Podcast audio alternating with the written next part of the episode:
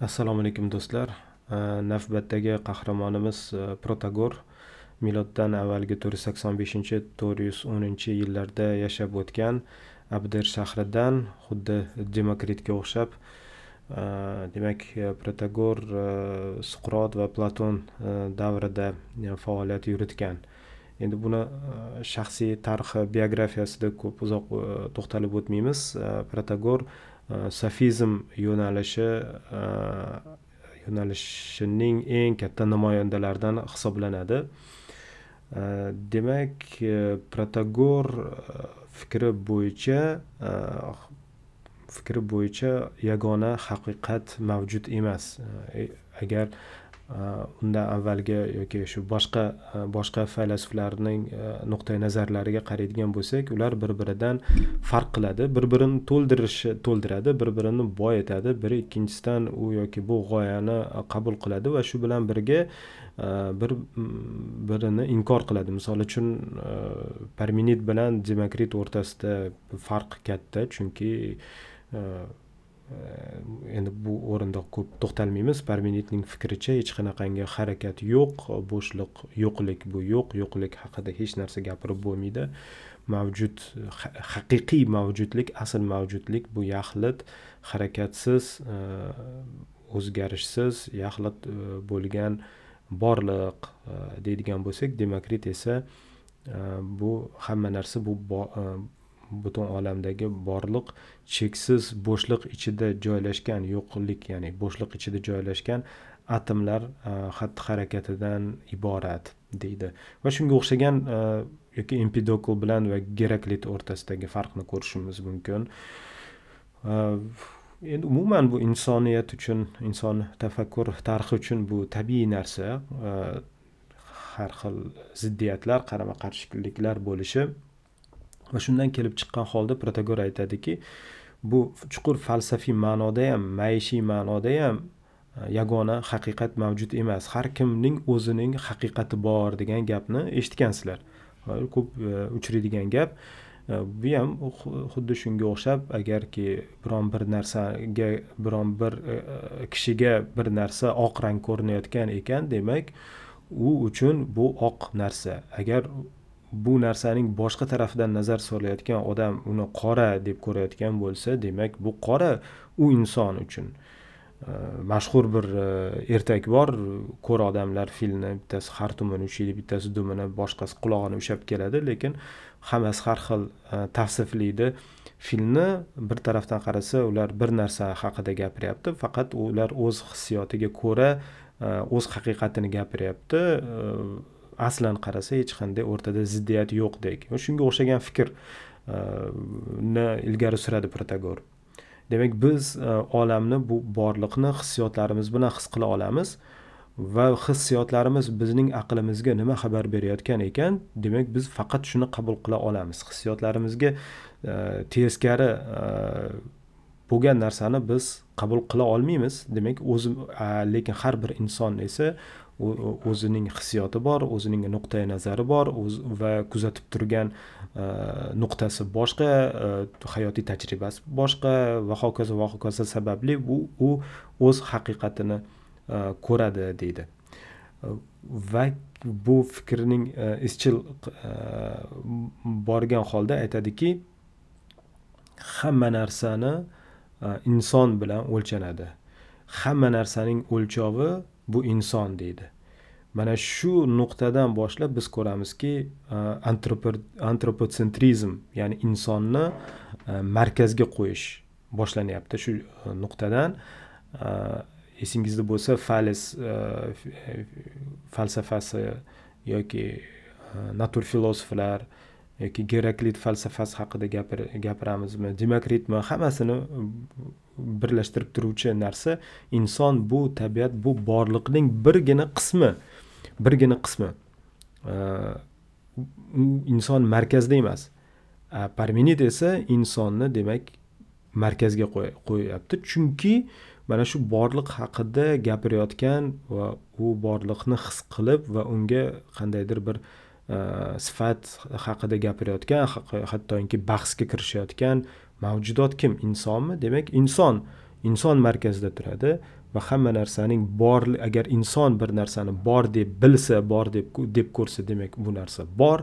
Agar inson u, u yoki bu narsani yo'q deyotgan ekan yo'q deb bilayotgan ekan demak bu yo'q. Demak e, mutloq haqiqat mavjud emas. Bor narsa nisbiy haqiqat. Demak birinchidan e, hamma narsaning o'lchovi inson va ham va mutloq haqiqat mavjud emas nisbiy haqiqat mavjud. E, xudolar haqida parmenid aytadiki e, kechirasiz protagor aytadiki xudo bor yoki yo'qligini bila olmaymiz chunki buni anglash uchun bilish uchun insonning umri yetmaydi.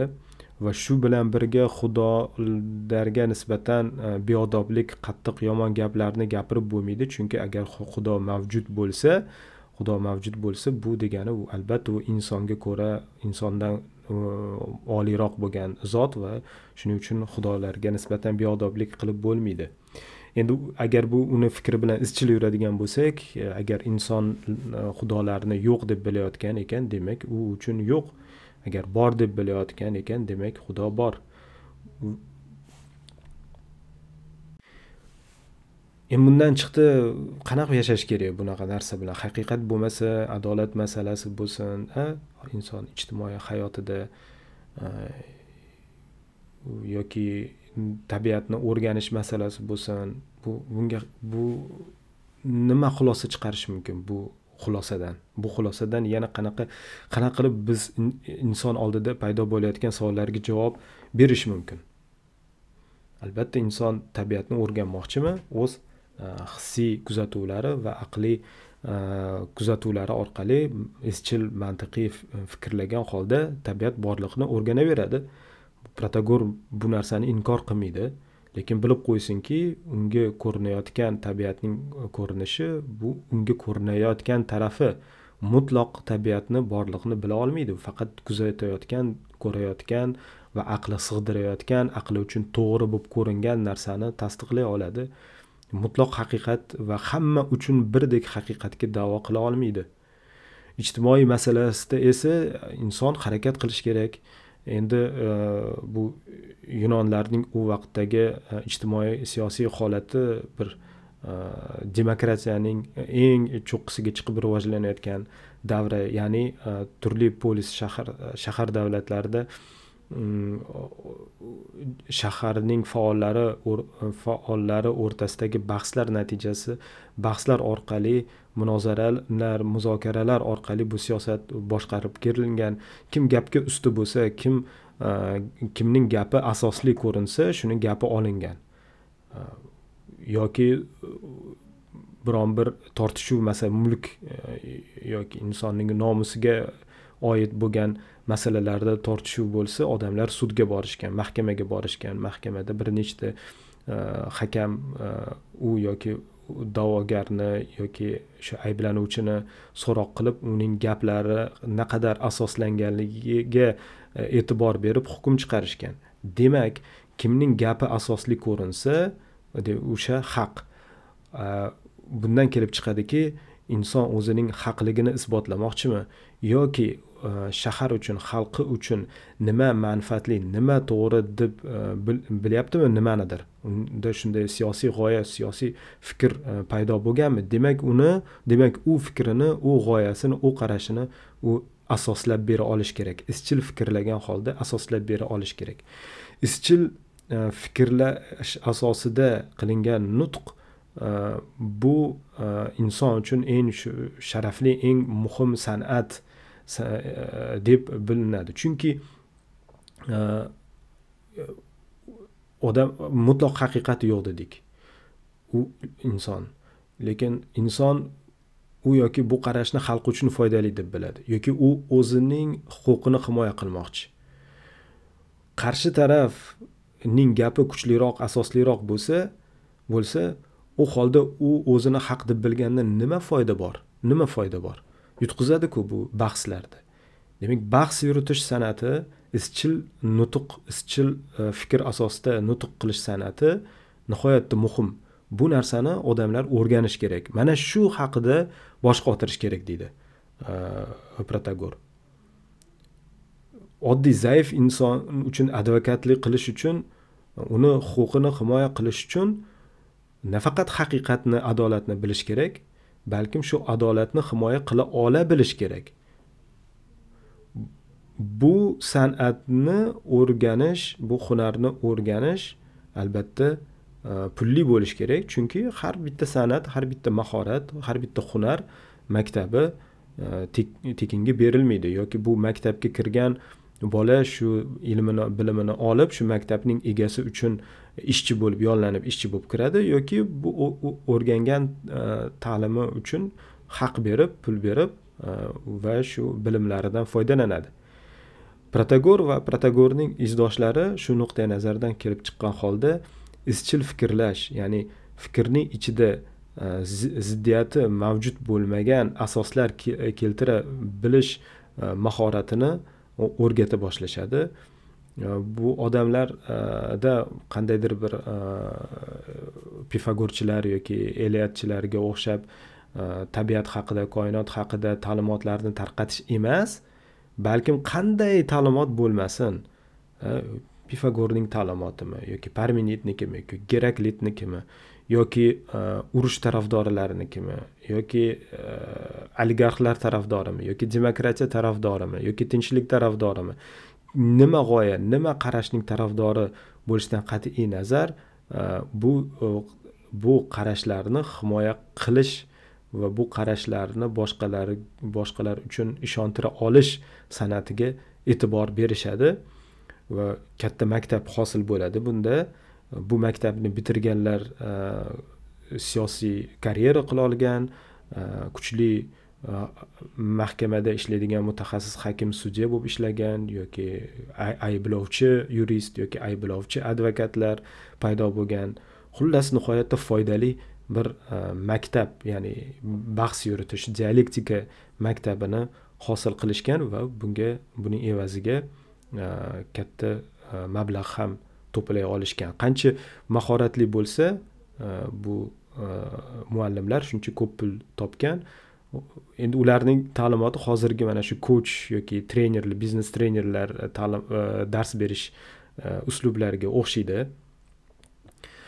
E, mana shu nuqtai nazardan suqrot ham sofistlarni sofizmni tanqid qilgan sofist sofistika masalasiga hozir kelamiz. Ularni sofist deb aytishgan sofist ya'ni hikmatga ya'ni donishmandlikka moyil donishmandlik uchun xizmat qiladigan odam kelib chiqishdan shu so'zning kelib chiqishidan suqrot e, tanqid qilganki e, haqiqat mavjud inson haqiqatning tagiga yetib borish kerak. Haqiqat nisbiy ekan e, deb tashlab qo'yish kerak emas. Qolaversa buni bundan yana pul ishlash ham noto'g'ri narsa deb bilgan suqrot va platon ham bularni shu nuqtai nazardan tanqid qilgan. Hamma narsaning o'lchovi inson degan qarashi mana shu hozirgi zamonda judayam bir mashhur fikr. Antropotsentrizm dedik insonning markazga qo'yilishi insonning manfaati insonning foydasi birlamchi. An'analar boshqa bir oliy qarashlar g'oyalar bo'lishi mumkin lekin bu g'oyalar insonning hozirgi manfaatiga to'g'ri kelmasa demak bular inkor qilinishi kerak deyiladi. Va shunda ham aytib qo'yish kerakki hozirgi zamon yoki o'sha gumanizm yoki o'sha renessans davridagi gumanizm asosida nafaqat bu protagorning g'oyasi balkim ibrohimiya dinidagi yo'nalishdagi insonning markazida bo'lishi ko'zda tutiladi. Ya'ni Э, xudo insonni bu yerga eng oliy mavjudot butun borliq mavjudotning toji butun borliq aynan aynan insonni sinash uchun yaratilgan. Mana shu nuqtai nazardan kelib chiqilinadi. Albatta protagor bu g'oyadan bu fikrdan uzoq e, chunki u e, ibrohimiya dinini qabul qilgan emas. E, u ilgari surayotgan narsa bukval mana shu insonning foydasi nuqtai nazaridan kelib chiqiladi. Inson endi u inson degan bir umumiy tushuncha yo'qku. E, inson bu har doim konkret bir mavjudot. Demak e, mana shu qonunlar bo'lsin qarashlar bo'lsin qadriyatlar bo'lsin har bitta o'sha kim bu qadriyatlarni himoya qilmoqchi bo'lsa e, mantiqiy o'ziga xos mantiq asosida isbotlab berish kerak. Avvalambor bu haqiqat uning haqiqati. Endi uning haqiqatiga boshqalar e, boshqalar ergashish uchun bu isbotlab berish kerak. Misol uchun men uchun bir narsa haqiqat e, boshqa odam uchun boshqa narsa haqiqat. Lekin men o'zimni haqiqatimni boshqa odamning haqiqatiga aylantirib berishim uchun men asoslab berishim kerak isbotlab berishim kerak. Shunda odamlar o'rtasida birlashuv paydo bo'ladi. Kimning ishontiruvchanlik kuchi quvvati e, asosli fikrlash uslubi asosli bo'lsa e, shu fikr atrofida shu g'oya atrofida boshqa odamlar to'planadi va o'rtada ziddiyatlar e, kurash ziddiyatlar urush janjallar kamayadi. Shuning uchun muhim bo'lgan narsa bu isbotlab berish san'ati. Endi eshitganmiz bir keyinchalik bu yondashuv arab olami musulmon olamiga ham kirib borgan Э, haqiqiy mantiq maktabi kuchli maktab e, oqni e, qora qorani oq e, shu tarelkadagi bitta tovuq bitta emas ikkita deb isbotlab bera olish bir shunaqa bir san'at darajasiga ko'tarilgan. Endi bu endi juda yam primitiv tushunish. Sofistlarni bunaqa primitiv tushunish kerak emas lekin to'g'ri e'tibor beriladigan narsa. E'tibor beriladigan narsa isbot bo'lgan isbotlab berish nima qilib bo'lsa ham. Chunki mana shu hozirgi mana yuristlarga ham qaraydigan bo'lsak advokatlarga ham qaraydigan bo'lsak kechagi uh, zarariga ishlayotgan advokat uh, unga ko'proq pul bersa yoki yollansa uning foydasiga uh, ishlashni boshlaydi. Jinoyatchini jinoyat qilmaganligini isbotlashga kirishib ketadi.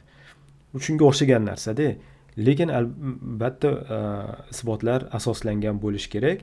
Mana shu asoslashda asoslashda e, mantiqdan tashqari logikadan tashqari paralogikaga ham o'tib ketishgan paralogizmga. Paralogizm soxta mantiq. Ko'rinishdan yuzaki qaralsa to'g'ri gapga o'xshaydiyu haqiqatga o'xshaydiyu lekin uni ichini e, tahlil qilsa bu hech qanaqangi to'g'ri gap emas. Mana shu gaplarni bu uslubni sofizm Э, deb atashgan misol uchun э, siz aytadiki siz o'zingizda siz yo'qotmagan narsaga siz ega egasiz desa.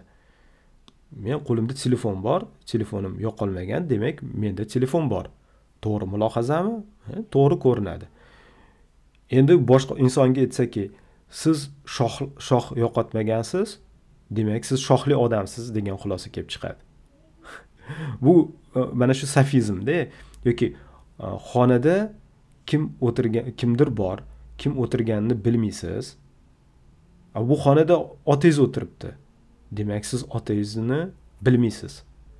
Bu mantiqiy fikrga o'xshaydi lekin aslida bir mantiqsiz e, sofistika aristotel shuning uchun ham logikani paralogikadan paralogizmdan yoki sofizmdan ajratish uslublarini e, taklif qilgan. Mana shu e, haqiqiy e, mantiqiy izchil fikrlash qoidalarini aristotel vaqt o'tib platonning shogirdi platon esa suqrotning shogirdi shu qoidalarni ishlab chiqqan.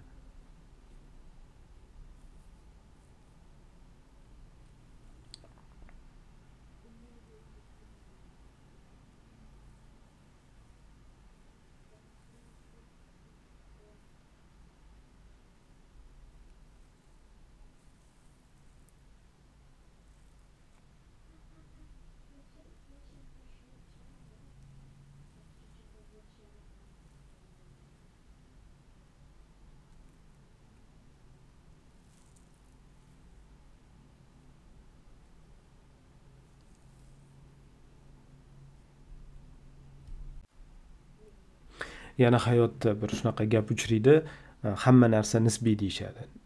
Nimadir qaysidir mavzuni haqida gapiradigan bo'lsak ha bu narsa nisbiy deb gapni e, to'xtatib qo'yadi. Bu ham bu shu protagorning uslublaridan biri hamma narsa nisbiy har kimni o'zini haqiqati degandek e, bu ham bir shunaqangi gapni to'xtatish uslubi. Nisbiy hamma narsa nisbiy deydigan bo'lsak buni javobi oson demak sen aytayotgan narsa ham nisbiy mutlaq haqiqat emas. Bu safizm uslublari albatta ko'pi o'zini o'zi inkor qiladigan gapi gap. Endi mayli bunda uzoq to'xtalmaymiz. Vaqti kelsa shu musulmon e, mutafakkirlari e, to'qnash kelgan o'sha vaqtning o'sha davrning safistlari o'rtasidagi e, bahslar haqida gapirib o'tamiz. Musulmon manbalarida safistlar sufistoiylar deb nomlanadi. Jumladan ibnul javziy talbis iblis kitobida sufisto degan odam asoschisi deydi va uni sharhida esa sharh qiluvchilar aytishadiki yo'q sofisto degan odam bo'lmagan. Bu sofistoylik bu bir shunaqa bir hunar bu yondashuv sofistlik shubhaga olib har bitta gapni asosli gap bo'lsa isbotli gapni asos yaxshi asoslangan yaxshi isbotga dalilga ega bo'lgan mulohazani shubhaga gumonga oluvchilar haqida sufistoiylar deyishadi va bu sufistoiylarni o'zini o'zlarini o'z uslublari bilan qanaqa qilib mot qilish mumkinligi shu talbis iblis kitobida e, uchraydi. E, shu bilan protagor bilan e, presokratiklar turkumini yakunlaymiz. Demak keyingi suhbatimiz keyingi podkastimiz suqrot falsafasi va uning uslubi uning maktabi haqida bo'ladi. Suqrotdan so'ng platon va uning ta'limoti e, platondan so'ng e, aristotel e, ta'limoti haqida suhbatlashamiz. Savollar bo'lsa yozinglar mm, audio yoki tekst ko'rinishida bo'lishi mumkin. E'tiboringiz uchun rahmat.